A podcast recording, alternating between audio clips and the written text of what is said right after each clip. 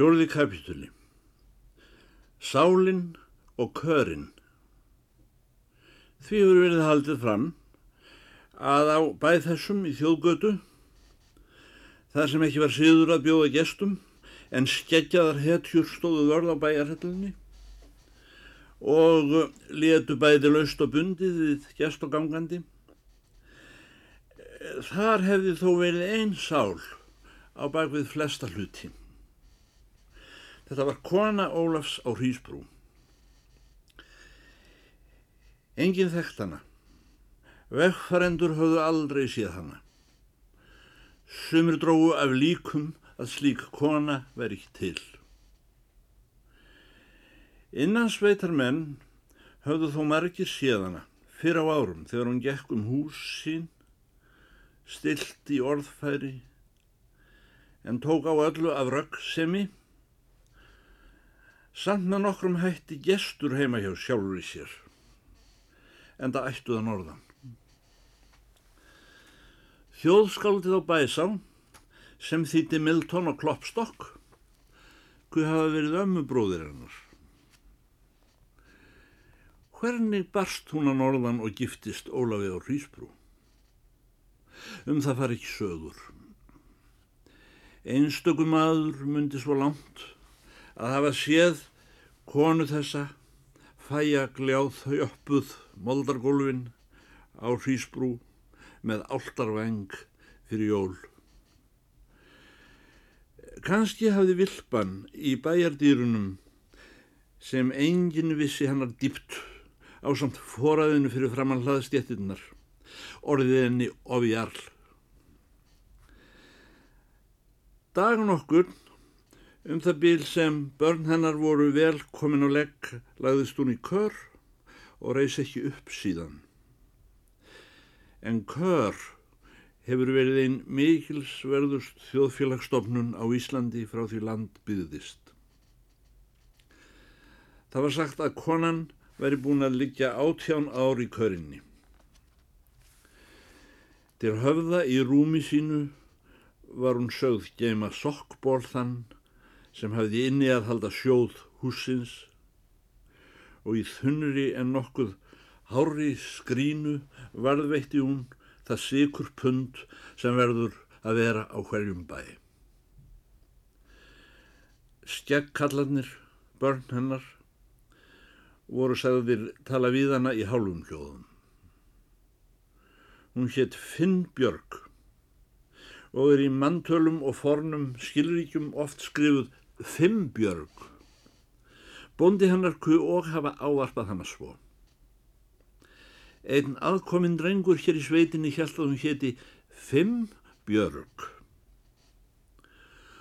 Rúm hennar var í stafgólfi næst bastofugablinum þar sem glöggin var. Ólafur Karl bjó með sonum sínum í mið stafgólfinu Þaðan voru dyrnar fram í moldargöng, löng og dimm. Talaði við hana af rúmi sínu og var nú farin að verða ögn rámur. Þá hann verið talin hlaðkaldur var hann sáður ekki bastofukaldur. Íðurlega mátti heyra hann mæla við konuna fram á bæjardinum barst þá rött hans inn moldargöngin. Ellegar utan af hlaði og smó röttin gegnum rúðuna. Stundum ofan af þeikjunni þar sem hann var að ditta að torfum eða smyrja með mikju eða gáa þeim anskotum mósfellsprestum sem honum síndust einlegt vera að reka á sig fjö. Ekki vissum en gjörla Hort konan heyrði nokkru sinni til bónda síns því aldrei heyrðist svar. Fymti kapitúli Erfiði óþægt Sjaldan hitti svo á hrísbrúinga að þeir væru ekki í miðju bústálningi. Ímist að fara á fjárhúsin eða koma af þeim með mosa í skegginu láti meisana gera við reypi í skemmudirum, kannski banga eitthvað. En aldrei voru þeir svo viðbundnir að þeir hefði ekki tóm til að skrabla við aðkofumann og nú kjós um heimtur hans að fjalli eða spyrja borgfyrðingum veður þar efra í fyrra og hitti fyrra og fyrrað þar áður eða norðanmann Hún hefði viðrað hjá þeim fyrir norðan magnleisis vorið mikla fyrir 20 árum þegar söðfjöð dó úr lurðu hér síðra. Um meðlæti og mótlæti hjá söðkindum landsins var talað eins og vantir í samkvæmislífinu að tala um hag heldra fólks. Af mærð og viðhöfn í fasi en kannski ekki allt hérn af djúpri tilfinningu. Nefnast að ríkur á selþeirnanesinu núna, kom svo. Ætli séu að bræða lísi eða sjóða háf. Kannski hafi líka kviknað í grúknum hjá þeim. Hvaða þræslu leggur frá Moselsprestum núna? Valla síinn grásleppa, svo stórir menn. Þeir hafa þó ekki náð sér í hval þessir anskotar. Þeir gengu aldrei beinir og aldrei bóknir og ekki löst við þeir sígu ögn í njálíðunum. Hundar þeirra voru að öllum jafni minnlausir og lágu á bæjarhellunni með keitusvip og horðu á gesti fara hjá. Það var ekki nema þegar Ólafur bóndi settið á á fjö pressins að þeir umhverfdust líkt og svín þau sem talaður um í heilari rytningu. Grófur tími fór í það hjá þessum mönnum að rasta við fjö. Voru þó taldir heldur lassar að ganga. Í smalamensu kom fyrir að þeir settust á mosaþúfu á miðri mósfellsheiði og fóru að rýfa grjótharðan þoskhaus eh, sem er einhver floknust þraut á Íslandi. Svo aðeins fimm menn á landinu eru taldir kunnaða núna. Og svo senlegt að menn eru orðin svangir aftur um það bílstaðir upp frá borðum. Undur að svo líkt gangnáir menn skildu eigða æfinni til að reyna sig í þollhlaupi við stökkfráar söðkindur. Þó þessi líginni líkast höfðu þessir fótstyrðu menn ekki nefni meðalagi sjónskarpir og nokkuð brjóstþungir. Þeir höfðu einlegt betur í kapplaupinu við þessa öðfljótu skeppnu. Og það kom sig af því held ég að þeir fóru ætið svo hægt að söykindin misti áhuga á leiknum. Sömpart einnig af því að þó söykindin sé þrá. Þá voru þessir menn sínu þrári. Þeir mistu aldrei þeina. Þó skeppnan hlipi undan þeim upp í fjall, upp snarbratta urð, sjónvittlaus af styggð. Aldrei töluðu þeir um að þetta veri erfitt. Hugtækið erfiði var ekki til. Mætti bæta því við að vitrir höfundar telja þá hjátrú spotna af getuleysi að til séu erfið verk. Þau ein verk séu erfið sem unnin eru með rángri aðferð. Þó þeir sæju illa kom aldrei fyrir að kind kemist undan þeim á fjalli. En öllu kom þeir til byggða án þess á þeim sæjust þreytumerki ellega þeir fyndu til mæði. Þeir kunni ekki að flýta sér, en þeir kunni ekki heldur að vera á seinir. Úr því sláttur var hafinn, mátti sjá hrísbrúinga í túnu sínu á þeim tíma sólarrings sem ekki voru aðrir menn á ferli nema einn og einn mjölkurpostu sem fór upp úr miðnóttinni á stað suður með brúsa sína í vagnkerru. Mér var aldrei ljóst hvort þeir voru heldur nýkomnir á fætur eða ekki farnir að hátta. Þeir sáust vallar hræfast, en það var túnið þýft og hendaði ekki sláttumönnum sem eru vanir að skára. Mannið þótti einkennilegt að sjá þessa skeggjuðu menn að puða klukkan þrjú á nóttinni, næstum hreyfingalausa í grasinu, í kuðung yfir orfinu, kannski sofandi. Málaliktir urðu þær að þúknakargin stóð eftir snóðrakaður og aldrei skorti hrísbrúinga hei.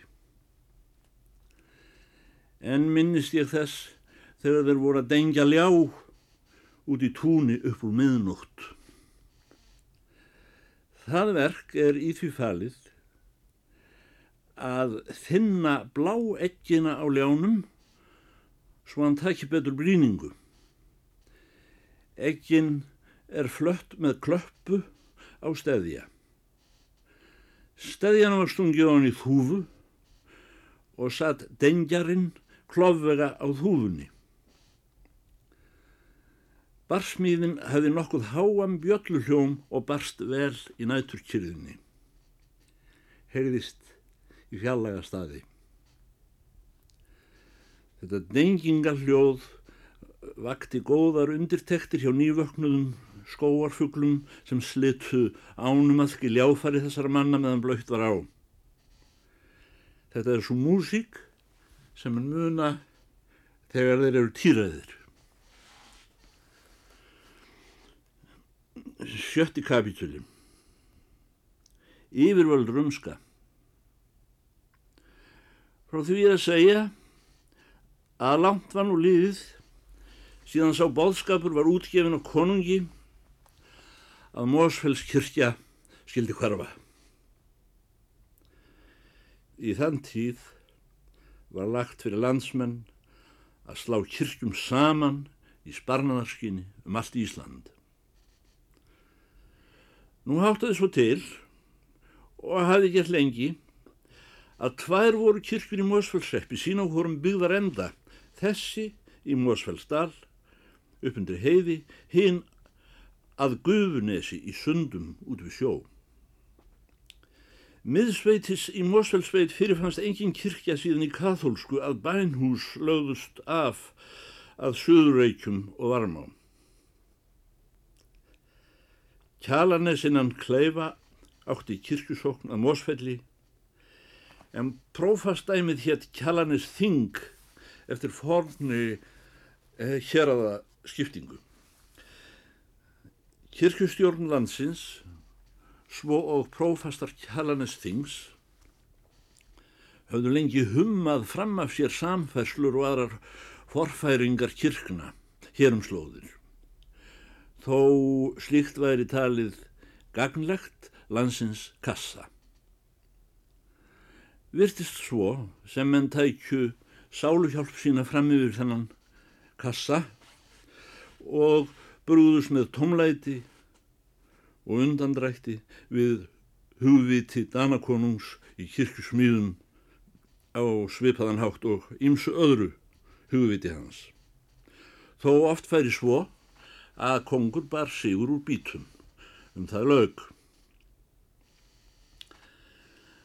Nú höfðu menn á síðastlinum 300 árum sætt sig við trúð þá sem Danakonungur hefði bóðað hér og leiti af henni að kongur gerði Íslands biskup vikadrengsinn. En prófastatnir urðu góskallar hjá stjórninni. Þó mistyggir. En þó lútastrú væri þess ekki umkomin að svara því hverjum dýrlingi Mósfellskirkja var vígð nýja sína mönnum þó ekki væri nema engil skjátu á röldi og hversu mikil sem var emnd prestanna bæði til lífs og sálar, þá þóldu ekki bendur þessir að fjarlagur konungur útlendur verið að hrugga við kirkjum hér upp á Íslandi. Og var talað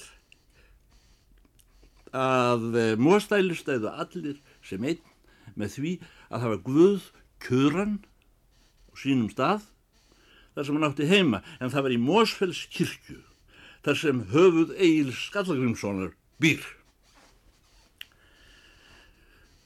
Á þeim rúmum hundrað árum síðan sá boðskapur út gekk úr Danmörku að Mósfells kirkja skildi brotinn hafði stundum verið heldur döft í sveitum og um, orkaði landstjórnin að sínu leiti ekki að týna upp alla smáa kirkustæði sem Danir vildu feiga en letu við það sitja að brjóta nýður skálholtstað sem uh, þá var kallaður uh, höfustadur landsins svo og hóla í Hjaltadal fyrir norðan. Smá dillur upp á hólunum eins og Mósfellskirkja urða að mæta afgangi. Aug þess var á þessum hundrað árum að gefa rúm móðuharðindunum, Napoleóni mikla, örundi hundadagakonungi, kúrandmynd og kláða í fjö. En er líðatók á 19. öld vorum við færðin að taka svo við sér að um, konungs úrskurður frá 1774 var enn tekin á dagskrá. Að þessu sinni á alþingi og kom í ljós að úrskurður þessi hafði að vísu ekki komið til framkvæmda. Þó eigi verið úr gildinu minn. Þar kemur sögu að alþingi í Reykjavík samþykir 12. mæ 1882 að til þess að leta nú einu sinni enn á landsjóði skuli gerður rekki að samfærslu tveggja kirkna í kjalanisþingi, Guðnesi og Mósfelli, að því tilskildu að tveir þriðjulhutar safnaðana gjaldi þar til í ákveðið sitt. Á kirkjufundi kjalanisþings sem haldin var í prestaskólanum í Reykjavík 11. janúar 1884.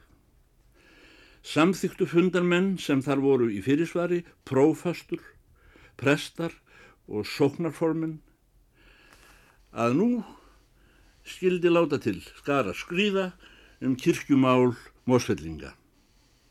Talaði þar enginn í móti. Sér að Jóhann Þorkjálsson satt þá að mósfelli. Hann taldi sig ekki hafa orði varan við neikvæðar undirtektir sóknarmanna sinna um samferslu kirkna.